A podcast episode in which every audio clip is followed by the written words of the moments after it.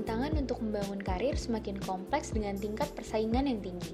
Untuk itu, sebagai mahasiswa kita harus menginvestasikan waktu lebih banyak dalam mempersiapkan karir.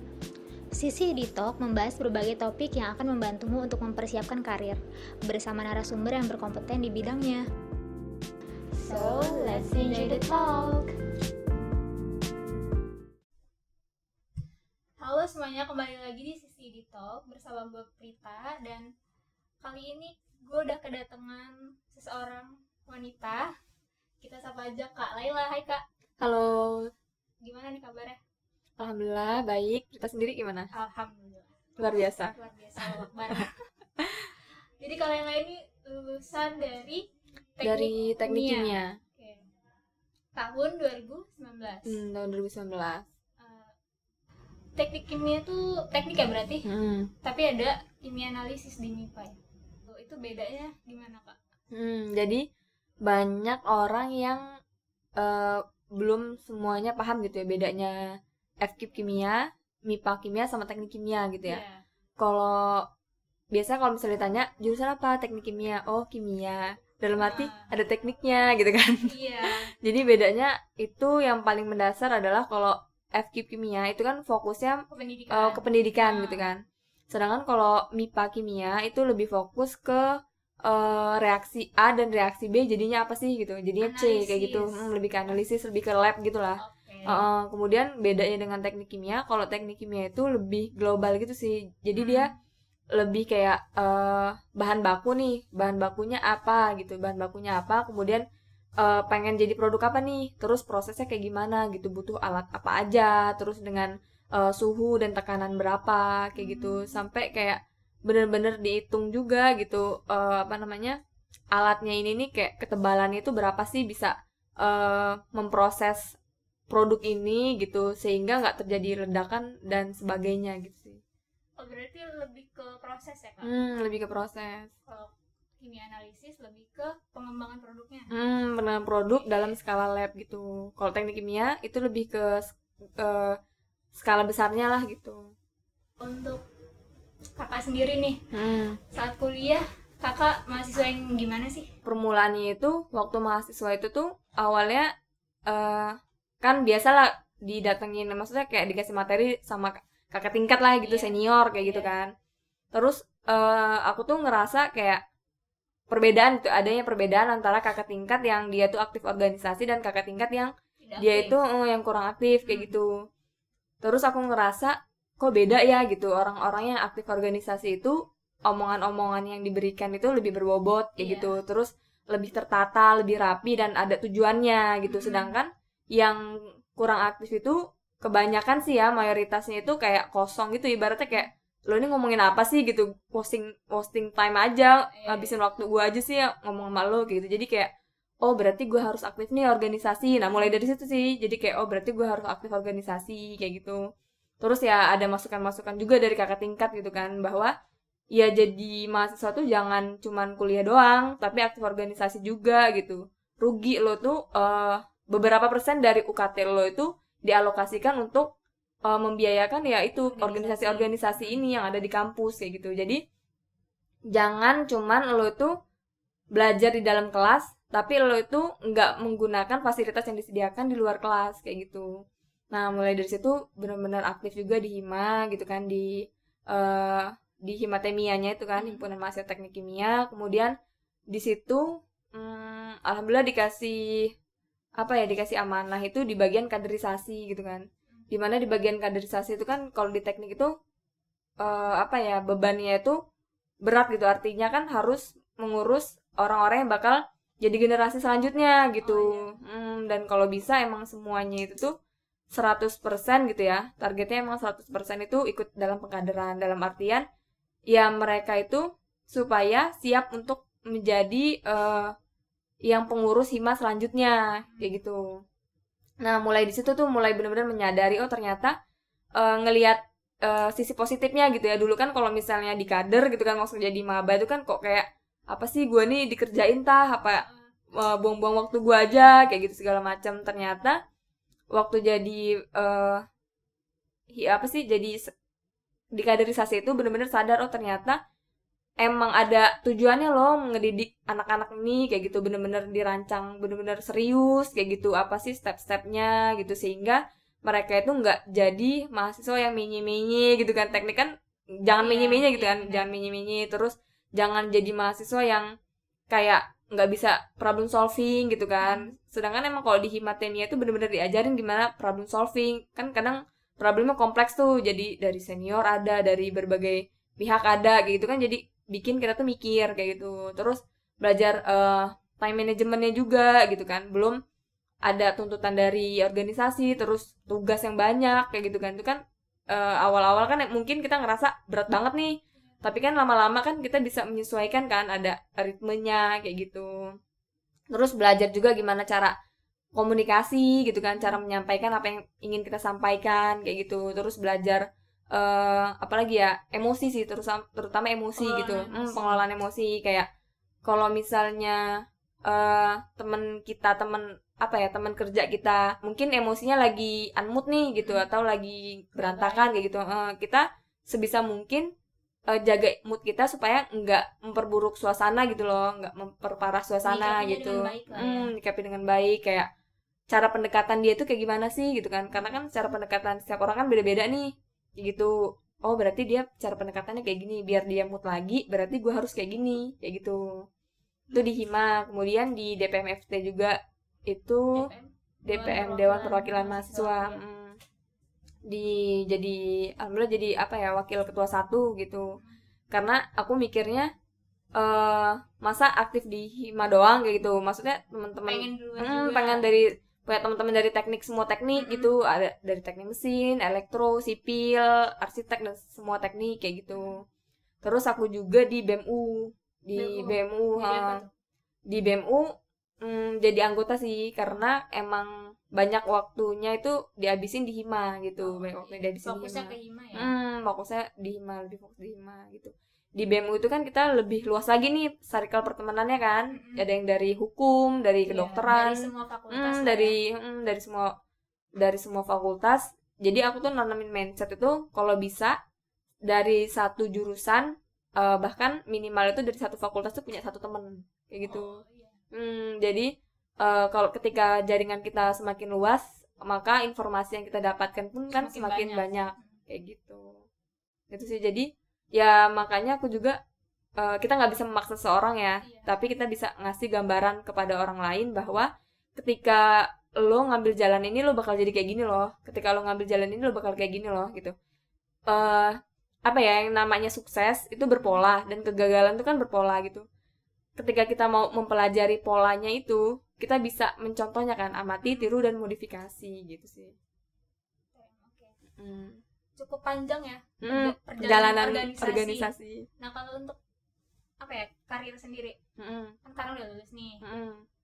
perjalanan karirnya gimana tuh kak dari awal kan Dari- awalnya produk owner tuh Mm, produk owner sempat produk owner di Beauty Star. Heeh. Mm, jadi Beauty Star itu kan mm, platform layanan kecantikan gitu. Jadi kayak kalau Gojek itu kan mempertemukan antara orang yang mau ngojek sama ojeknya. iya Nah kalau Beauty Star itu mempertemukan antara orang yang mau make make up up, sama nge-make up gitu. artisnya. Mm, kenapa? Karena diawali dengan problem dulu gitu ya. Problemnya itu kan banyak orang-orang yang pengen eh booking makeup artis tapi Mm. kadang dibales chatnya lama oh ya iya kan terus kayak price listnya nggak nggak semua MUA itu ngasih tahu price listnya di awal. Instagramnya nggak semuanya mencantumkan price list Mm. itu kan terus eh, udah nggak dicantumin kemudian kalau chat lama itu dari segi eh, kliennya gitu dari segi kliennya problemnya itu terus kalau dari segi MUA-nya sendiri itu problemnya itu emang mereka problemnya itu ngebalesin chat-chat yang masuk juga gitu dan Hmm. schedule sih Iya. mereka biasanya schedule nulis schedule-nya itu eh, masih konvensional gitu. Maksudnya kayak dicatat satu-satu di kertas kayak gitu Iya. kan. Kalau misal atau ditaruh di HP Hmm, kalau misal notes ya? Mm, di notes. Jadi kalau misalnya kertasnya hilang udah kacau kan? Iya. terus kalau misalnya HP-nya ngeheng udah kacau juga. tapi kalau misal pakai aplikasi kan bisa di save dan kalau misalnya dia login kan bisa bisa lihat masih lagi bisa lihat lagi kayak gitu. Jadi ya itu kalau produk owner itu kan kita riset dari segi kebutuhan eh, users ini apa terus kita bisa ngedeliver apa kayak gitu. Hmm. itu kan itu kan produk cantikan tuh Hmm.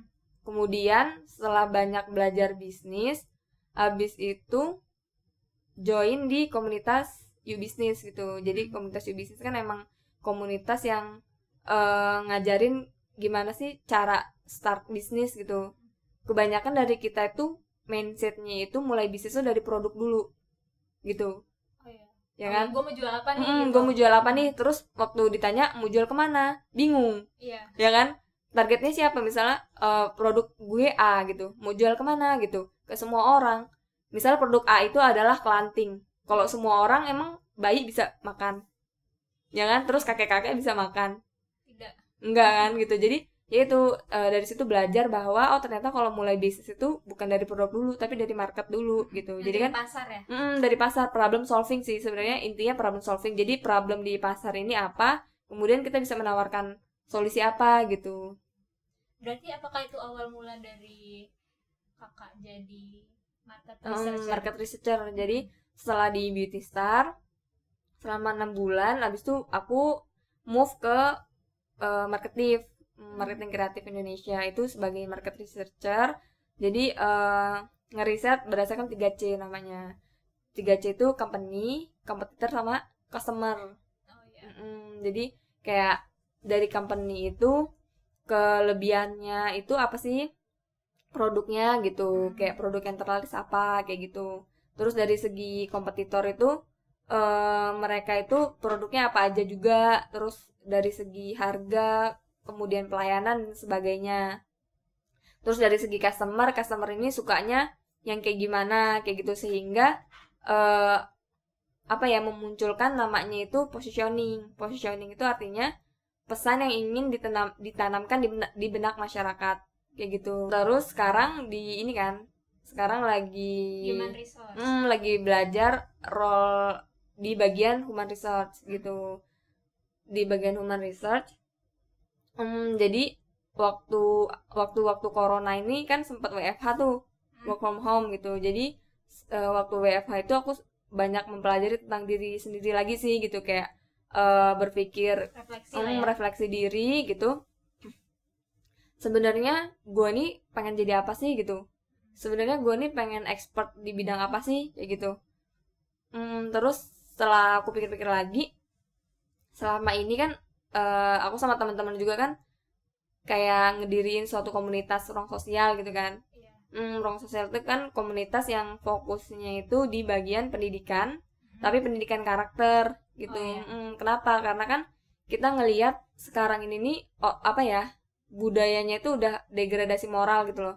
Jadi kebanyakan orang-orang itu pinter secara ilmu tapi adab atau akhlaknya itu Etika. mm, etika itu menurun tuh terdegradasi gitu. Mungkin ya karena tontonan karena lingkungan dan sebagainya kayak gitu. Jadi kita ingin eh apa ya dengan sedikit perubahan atau hal-hal kecil yang kita lakukan mengubah itu gitu kan. Itu kan aku pikir lagi oh eh, core-nya apa sih? Core-nya itu kan people development tuh Hmm. kayak gitu kan. People development oh berarti gue interest di people de- de- development.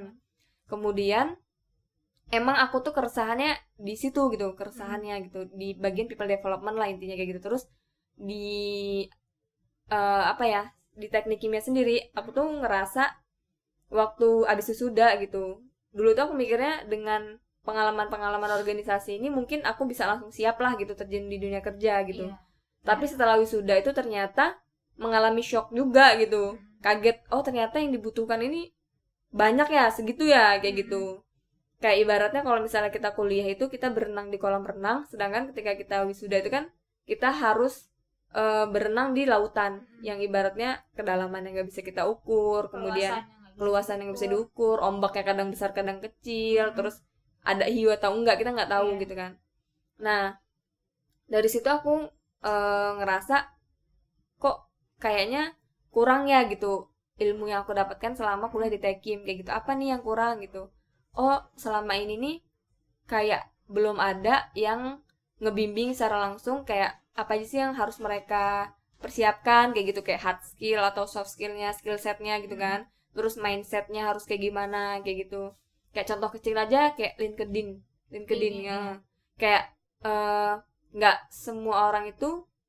sadar gitu bahwa itu tuh penting gitu. Padahal melalui platform itu kita bisa tahu nih uh, kebutuhan dari perusahaan ini ketika kita mau menjadi ini nih ini ini aja gitu. Ketika kita tahu apa kebutuhannya dari sekarang kan kita udah bisa mempelajari hal-hal yang untuk mencapai ke situ gitu kan.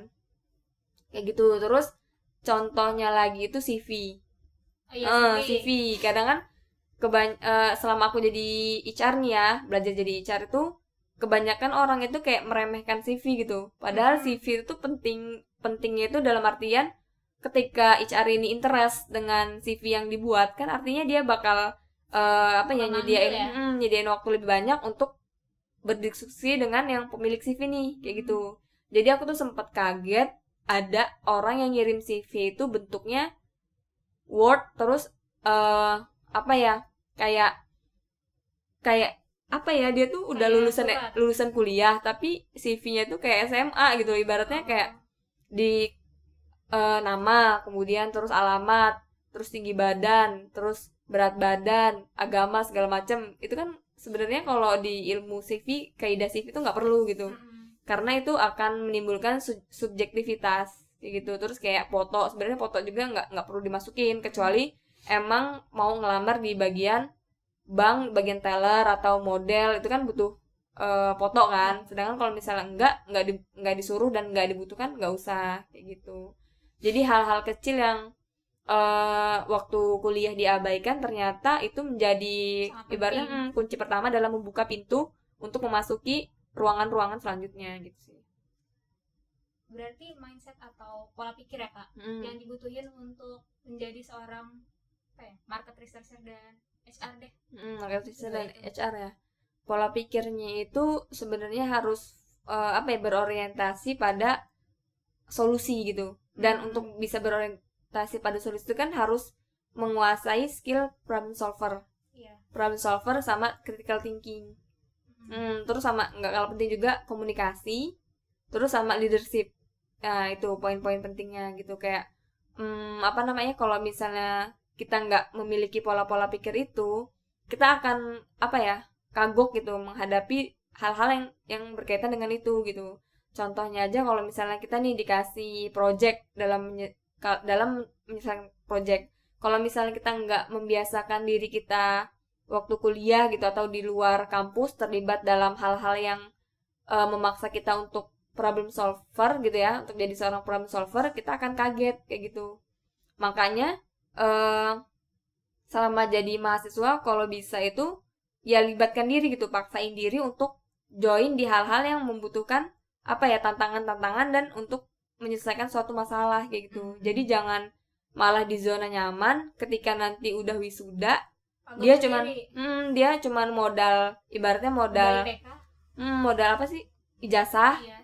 terus modal transkrip tapi dia minim minim pengalaman gitu minim pengalaman baik organisasi maupun pengalaman kerja gitu. Jadi kan kita bingung ya dia ini potensinya apa gitu. Dia skillnya apa dia bisa kita taruh di bagian apa kayak gitu bisa berkontribusi apa gitu sih.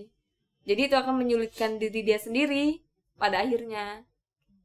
Berarti leadership problem Hmm, solving terus critical thinking critical sama thinking, komunikasi. komunikasi. nah itu bisa nggak kak dilatih saat masih kuliah? Hmm, bisa banget.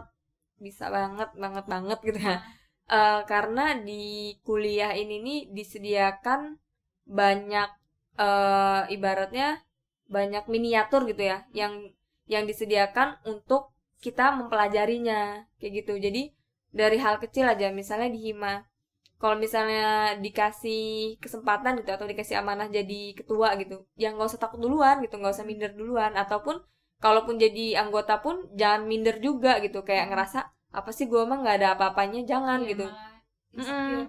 Mm, jangan insecure malah kayak eh, apa namanya kerjain semampu lo se- Hmm. seoptimal yang lo bisa nanti orang lain juga bakal eh apa ya bakal tahu lo bakal nilai lo sendiri dan bakal minta tolong ke lo sesuai dengan Apa yang eh, lo bisa. mm, apa yang lo bisa kayak gitu berarti semuanya bisa didapat dari organisasi ya kak Hmm, organisasi penting banget gitu. Jadi ya itu. Kalau sekarang kan justru apa ya kita tuh uh, krisis leadership gitu kan. Iya. Kadang mau milih pemimpin tuh bingung gitu. Karena kebanyakan orang-orang sekarang dengan kemudahan teknologi yang ada memaksa bukan memaksa sih mengkondisikan orang untuk apa ya mager gitu kan. Mau Hmm. makan tinggal klik GoFood dan nyampe kayak gitu. Ya itu. Jadi harus eh, ngepush diri untuk apa ya jangan di zona nyamannya aja dalam artian zona nyaman itu yang bikin dia nggak berkembang gitu kan. Bikin dia mager atau bikin dia jadi apatis itu harus dia dobrak terus dia jadi apa ya eh, jadi push your limit gitu ya. Maksudnya eh apa ya batasan lo itu ya dobrak aja gitu sampai lo itu mengenali diri lo potensi lo sehingga lo tuh bisa menjalankan peran sesuai dengan peran yang Allah kasih gitu dengan sebaik-baiknya gitu nah kalau untuk teknis nih kak Mm. secara teknis skillnya apa aja yang dibutuhin untuk menjadi market researcher tadi sama human resource Hmm. Secara skill ya. Kalau skill itu kan skill set itu dibagi menjadi dua yaitu Soft hard skill. skill, eh, soft skill dan hard skill. Kayak gitu. Soft skillnya itu eh, adalah kemampuan-kemampuan yang ada dalam diri gitu kan. Eh, yang dilatih gitu. Itu kalau problem solve eh, market researcher itu soft skillnya itu eh, problem solver, kemudian Iya. critical thinking, kayak gitu terus hmm, komunikasi komunikasi itu kan termasuk soft skill ya karena kita bisa kita latih didapatkan dari luar bangku kuliah gitu terus sama ya itu juga sih balik lagi ke leadership. Karena kan kita eh, harus memimpin diri kita sendiri dan ketika kita punya tim kita harus bisa ngelit tim kita untuk mencapai tujuan yang sama gitu. Itu dari segi soft skill.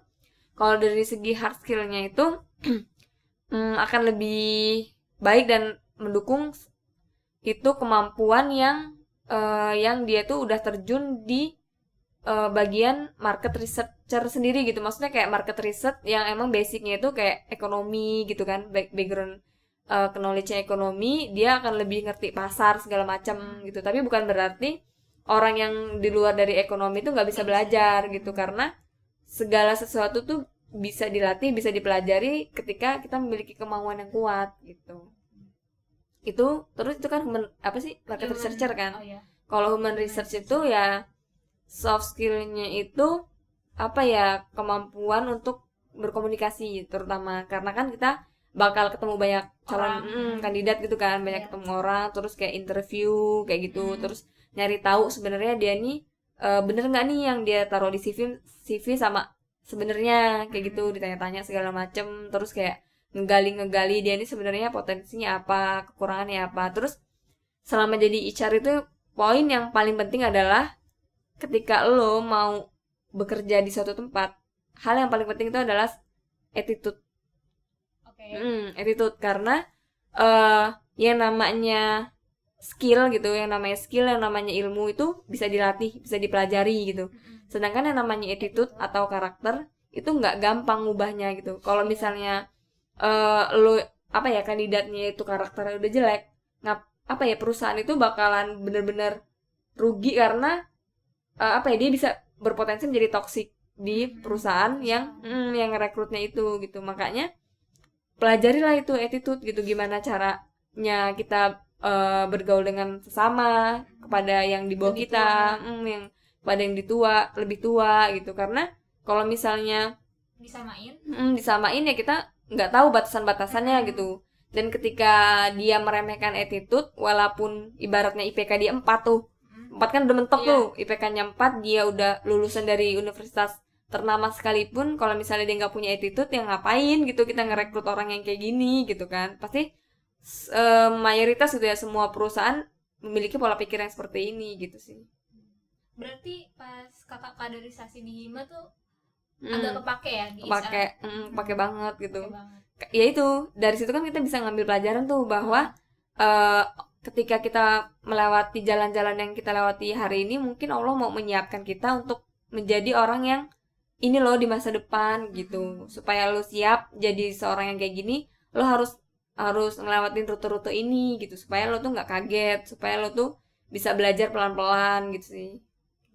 Tapi kalau untuk teknik kimianya sendiri gak ada gak ada banget ya sangkut paut apa ada sedikit sedikit Hmm, kalau dari teknik teknik kimia sendiri itu kan di Tekim itu juga belajar tentang kewirausahaan.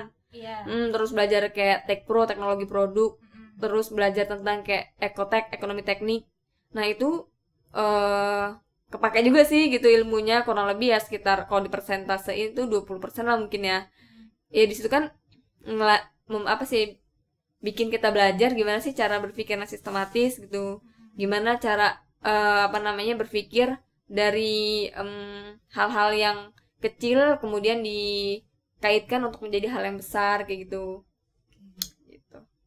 nah untuk human research sama market researcher nih kak peluangnya gimana ke depannya peluangnya ya hmm, peluangnya itu insya Allah ketika orang itu fokus dan expert di bidangnya gitu sangat luas gitu. Kenapa? Karena hmm, kemarin aku sempat ngikutin apa ya karir problem dari coach Rene Rene Sordono gitu ya karir coach. Itu beliau mengatakan bahwa ke depan itu eh, organisasi suatu perusahaan itu bakal semakin mengerucut gitu artinya semakin sempit. Gitu ya mungkin dulu perusahaan A itu untuk mengoperasikan perusahaan itu membutuhkan 25.000 karyawan ke depannya mungkin akan eh, hanya membutuhkan 6.000 karyawan kayak gitu. Nah ap- yang paling eh, dibutuhkan itu adalah orang-orang yang jadi spesialis artinya orang-orang yang ahli di bidangnya kayak gitu.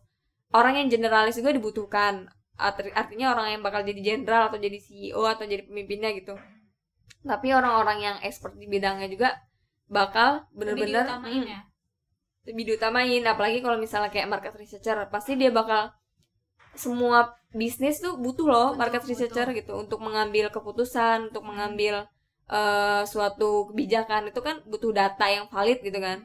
Dan HR pun untuk suatu organisasi bisa berjalan kencang itu kan butuh eh, apa namanya butuh SDM mm, yang butuh SDM bagus. yang ya. bagus yang baik yang emang bermutu untuk menjalankan perusahaan itu gitu. Jadi sebenarnya kuncinya itu tuh bukan gue jadi apa gitu. Artinya yang namanya profesi itu kan semakin semakin sekarang kan semakin banyak nih. Yang dulu mungkin eh, apa namanya kayak copywriter belum ada sekarang udah ada Udah ada. copywriter gitu kan. Yang ibaratnya kayak admin sosmed itu dulu mungkin belum ada sekarang udah jadi profesi Mm-mm. gitu. Udah Jadi, juga. Mm-mm, udah baik jasanya juga. Jadi poinnya itu adalah eh, kenali diri sih. Heeh. Eh, kenali diri terus apa strength diri kita Iya, ini kelebihan. kekuatannya apa terus kayak enjoy the mostnya di mana kayak gitu. Terus eh apa ya setelah udah kenal diri kenali juga tujuannya mau jadi apa kayak gitu. Goals hidupnya ini nih ibaratnya kalau lo mati lo tuh mau dikenal sebagai apa sih kayak gitu. Disadari bener-bener kayak butuh waktu sih emang menyadari itu. Kemudian di ini nih ngelihat lingkung eh, ling- lihat sekitar. Hmm, lihat sekitar kira-kira gue bisa matchnya di mana gitu terus ya itu ambil peran kayak gitu. Jadi kayak kenali diri terus yang pertama kan kenali diri kemudian lihat sekitar Iya. kemudian yang ketiga ambil peran gitu sih. Berarti emang banyak ya pertimbangan untuk gue pengen jadi apa nih? Itu banyak banget pertimbangan. hmm, banyak banget. Kalau mau mikir ya dan kalau misalnya mau hidupnya ke depan itu emang poinnya itu kan happiness dan ful- fulfillment gitu ya. Artinya seneng bahagia dan merasa puas gitu kan. Hmm. Percuma aja kita jadi pimpinan di perusahaan A tapi ketika setiap hari kita ngejalaninnya dengan beban. Setiap hari eh, kita tuh ngerasa kapan sih weekend? Kalau misalnya weekend udah selesai aduh udah kerja nih. kerja nih gitu. Aduh hari senin nih kayak gitu. Gitu sih poinnya. Oke. Kalau untuk finansial nih kak. Hmm. gimana nih? Menjadi seorang market researcher dan HR apakah mencukupi atau gimana? Hmm, finansial ya. Ini poin penting juga sih. Kebanyakan eh, anak-anak muda zaman sekarang yang namanya start startup itu kan lagi hits banget ya. oh ya Setiap Marketing orang, ini startup juga hmm, startup juga masuknya. Setiap orang kayak pengen jadi CEO startup, pengen bikin startup. Intinya ambisinya startup gitu. Mm-mm. Yang kadang eh, lupa juga dalam mempertimbangkan pertimbangan finansial ini gitu. Iya. yang namanya startup itu kan mulainya dari bawah ya mulainya dari banget. nol. Mm, mulai bener-bener dari nol ya harus siap gitu. Kalau misalnya dalam kalau misalnya mau ngembangin startup finansialnya ya yang penting memut apa ya memenuhi angka cukupnya. Angka cukup itu kan artinya memenuhi kebutuhan ya. Kebutuhan bukan keinginan gitu. Iya. selama kebutuhan itu terpenuhi selama eh, apa namanya dia bisa survive ya insya Allah keinginan-keinginan ke depan pun nanti akan terpenuhi gitu. Jadi ada ada apa ya filosofinya gitu dari filsuf yang terkenal gitu. Jadi itu jangan have jangan have dulu terus do, do baru be. Apa sih artinya? Jangan eh, apa namanya? Jangan have do baru be tapi jadilah be do baru have. Artinya Oh, iya. itu hmm, dulu. Hmm, artinya itu jangan punya mindset eh gua punya dulu, kemudian ngelakuin. baru ngelakuin dan gua baru jadi orang itu gitu loh. Mm. Tapi ya lakuin dulu aja, eh be dulu, be jadi orang yang lo mau, kemudian lo kerjain eh, apa yang kira-kira yang jadi lo mau itu, kemudian em, lo bakal have sih ke depannya gitu. Oke kak, kalau Mm-mm. untuk gambaran lapangan karir yang sesungguhnya nih, itu gimana Hmm. sih kak? Proses recruitment atau konflik di lingkungan kerja? Hmm. Proses eh, rek- rekrutmen ya. Proses rekrutmen itu kan mulai dari kayak ngirimin CV gitu kan. Terus kayak kalau CV udah lolos, nanti bakal ada tes psikologi gitu kan, Heeh, psikotes. Kemudian ada interview HR, kemudian Hmm. ada interview user, baru offering gitu kan biasanya kayak gitu. Emang eh ya itu eh eh, selama aku jadi nih ya baru baru paham baru ngeh gitu. Oh ternyata psikotes itu tuh juga untuk memastikan sebenarnya yang dia lamar itu cocok nggak sih dengan kepribadian dia gitu. Iya. cocok nggak sih dengan karakter dia gitu. Eh, ada namanya tes DISC namanya. Tes DISC itu untuk untuk tahu dia tuh sebenarnya cocok ditaruh di depan apa taruh di belakang gitu. Artinya dia tuh emang tipe orang yang suka ketemu orang Suka berinteraksi dengan orang apa suka dia tuh tipe orang yang lebih suka menyelesaikan tugasnya di belakang layar. Nah kayak gitu. Jadi ketika ada orang yang apply dia eh dia sebenarnya karakternya orang di belakang layar nih Iya. gitu tapi dia apply di bagian depan layar. Itu kan nggak match kan? Iya. nah itu biasanya yang nggak nggak kita lanjutin nggak lolosin karena eh di- dari segi si kandidatnya pun akan merugikan dia sendiri. Kenapa? Karena dia bakal tertekan dalam mengerjakan tugasnya eh dia akan tertekan karena nggak dia banget gitu. Dan dari segi perusahaannya pun akan dirugikan karena si kandidat ini nggak akan perform dengan optimal gitu. Terus dari HR dan user itu itu yang tadi kita bahas yang paling penting itu attitude. Iya. Mm, yang paling penting attitude itu dari proses recruitment terus kemudian konflik kerja ya. Nah konflik di dunia kerja itu bedanya dunia kerja dengan organisasi itu kan di dunia kerja itu kita punya tanggung jawab ya. Iya. kita punya tanggung jawab yang lebih yang harus kita selesaikan. Sedangkan kalau di organis- organisasi itu kan lebih banyak toleransinya gitu. Jadi konflik-konflik di dunia kerja itu akan bener-bener kerasa ketika kita tuh nggak belajar manajemen emosi gitu sih. Jadi dikit-dikit baper gitu. Dikit-dikit emosi. Hmm, dikit-dikit emosi, dikit-dikit marah, terus jadi nggak mood kerja. Dia nggak mood, teman-teman yang nggak ngeliat dia pun kan jadi ngerasain vibrasi negatifnya nih, Mm-mm. kan jadi nggak mood juga gitu. Jadi harus mempelajari itu juga supaya dianya positif, lingkungannya positif, ya akhirnya kan akan membuahkan kebahagiaan juga buat semuanya gitu. Buat lingkungan kerjanya. Hmm, buat lingkungan kerjanya. Nah tapi kan kalau buat proses rekrutmen tadi kan Hmm. itu apa aja sih menurut kakak hal yang apa ya hal yang sepele tapi sama kandidat ya Diremehkan. Iya diremehkan. Hal sepele eh, yang Selain CV ya. Hmm, selain CV. Selain CV, hmm, apa ya? Yang diremehkan itu biasanya selain CV itu ini sih kayak eh kalau misalnya kita ngirim ngirim apa sih? Kita mau ngirim surat lamaran, heeh, surat lamaran tuh kadang itu banyak orang yang nggak memperhatikan eh, body emailnya gitu. Jadi kayak dia tuh langsung ngirim nama, subjek, terus kosong, nggak ada tulisan apa-apa, cuman CV doang gitu.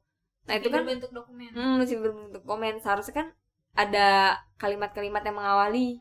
Eh, kalimat-kalimat yang mengawali kayak dia tuh dapat informasinya dari Dari mana, terus kenapa dia interest, terus kayak eh, skill dan knowledge apa sih yang bisa dia kasih yang sesuai dengan apa lamaran yang dia dia mau gitu sesuai dengan posisi yang dia incar kayak gitu. Terus di akhir itu kayak uh, call to actionnya sih kayak uh, ketika apa kalimat yang kalau misalnya interest call me ya gitu.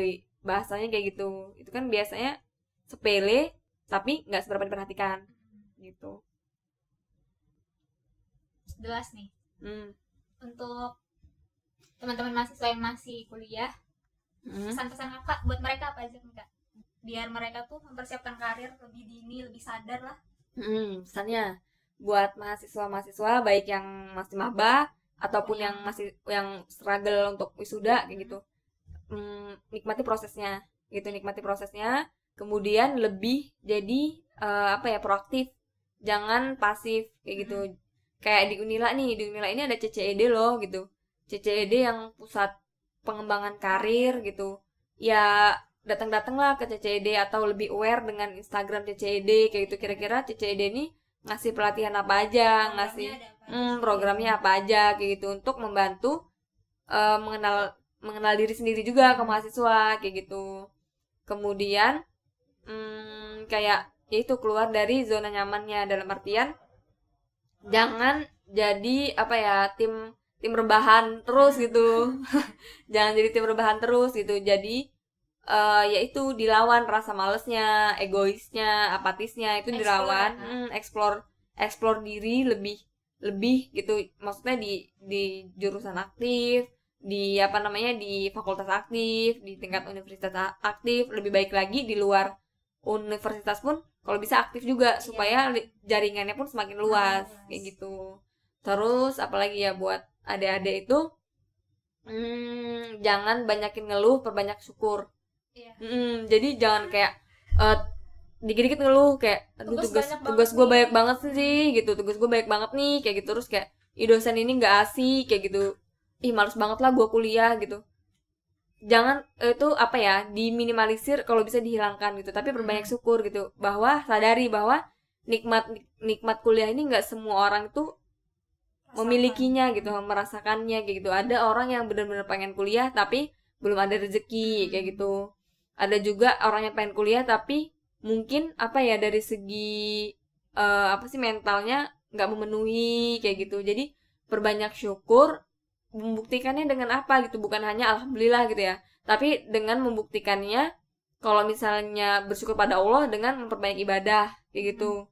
Kalau misalnya sesama manusia pun kepada orang tua ya bersyukurnya dengan berbakti kepada orang tua. Terus kayak belajar yang giat kayak gitu. Nggak nggak nggak main-main kayak gitu kan Bertanggung jawab ya. bertanggung jawab terus di organisasi pun aktif jadi eh, bersyukurnya juga itu di apa ya dibuktikan dengan menebar kebermanfaatan seluas-luasnya gitu sih jadi kalau misalnya lo mahasiswa tapi lo hobinya ngeluh lo kaum rebahan Mhm. terus lo nggak tertarik untuk eh, ikut-ikut organisasi oh ikut organisasi atau sebar kebermanfaatan kok kayak ada dan gak adanya lo sama aja ya kayak gitu. Jadi kalau bisa jangan kayak gitu gitu. Apa ya yang, yang namanya ibaratnya lalat pun lalat ibaratnya yang kita ngelihat dia hinggap di Jijik kotoran ya. jijik dia aja ada ada perannya kayak gitu kan. Lalat lalat pun ada perannya gitu. Ibaratnya kayak eh, di samping lalat ada lebah pun lebah seekor lebah gitu ya. Seekor lebah itu dia nggak akan disengat kalau nggak disengat ya kan? Terus dia eh, hanya mencelok di eh, apa ya hanya hinggap di yang wangi-wangi yang bersih-bersih ya kan karena dia mau ngambil madu Iya. terus dia ngumpulin madu madu itu jadi obat untuk manusia gitu kalau bisa sih kita jadi kayak lebah Lebah. ini gitu kita mencontoh lebah ini jadi ke mana pun kita hinggap kita menebarkan kebermanfaatan ke mana pun kita ada kita nggak merugikan siapa-siapa gitu Oke, jadi untuk teman-teman mahasiswa penting banget untuk tidak menjadi kaum rebahan. Mm-mm, kaum rebahan kaum yang banyak mager- ngeluh mager. Hmm, banyak ngeluh, banyak hujan. jadi lebih jadi kaum yang banyak bersyukur dan banyak menebar kebermanfaatan. Oke. Jadi dapat poinnya dari seorang HR nih. Hmm, amin amin. Amin. Semoga bisa lebih improve ya. Oke, amin. Eh, penting banget untuk refleksi diri gitu Hmm, supaya ya. kita apa ya bisa menentukan apa yang kita butuhin apa yang kita mau kalau kalau mau mah nanti aja yang penting butuh kebutuhan dulu ya Mm-mm, memenuhi angka cukupnya juga Oke. Mm. terus ini sih mungkin nah, eh, ini kan CCD bakal ada karir prepara- preparation program kan Hmm. ya mahasiswa tuh rugi banget sih kalau nggak ikut kan oh ya kelas online-nya juga udah mulai jalan ya Mm, kelas jalan. Harus ikut sih harus aktif harus proaktif. Dan di kelas online itu lo diajarin untuk kenal karakteristik diri lo tuh gimana. Terus Mm-mm. terus juga kayak nentuin lingkungan kerja yang cocok tuh Mm-mm. yang kayak gimana, gimana? sih gitu. Terus terus ya menentukan profesinya juga. Mm-mm. dan paling penting kan pemahaman tentang karir ya. Iya. Kebanyakan kan kita nggak tahu tuh bedanya pekerjaan profesi dan karir. Karir. nah di sini kan bakal dijelasin bakal, kan? iya, bakal dijelasin bakal diedukasi lah pokoknya. Betul betul. Oke sampai sini dulu episode kali ini. Yap. bersama Kak Laila. Makasih banget Kak Laila udah sempetin waktunya. Mm, ngobrol sama-sama. semoga bisa jadi apa ya dapat eh, insight positif Iya. bagi yang mendengarkan dan semoga apa ya menjadi keberkahan juga buat kita bareng-bareng Mhm. sehingga kebermanfaatan pun akan tersebar semakin luas gitu Oke, sampai jumpa di episode selanjutnya. See you.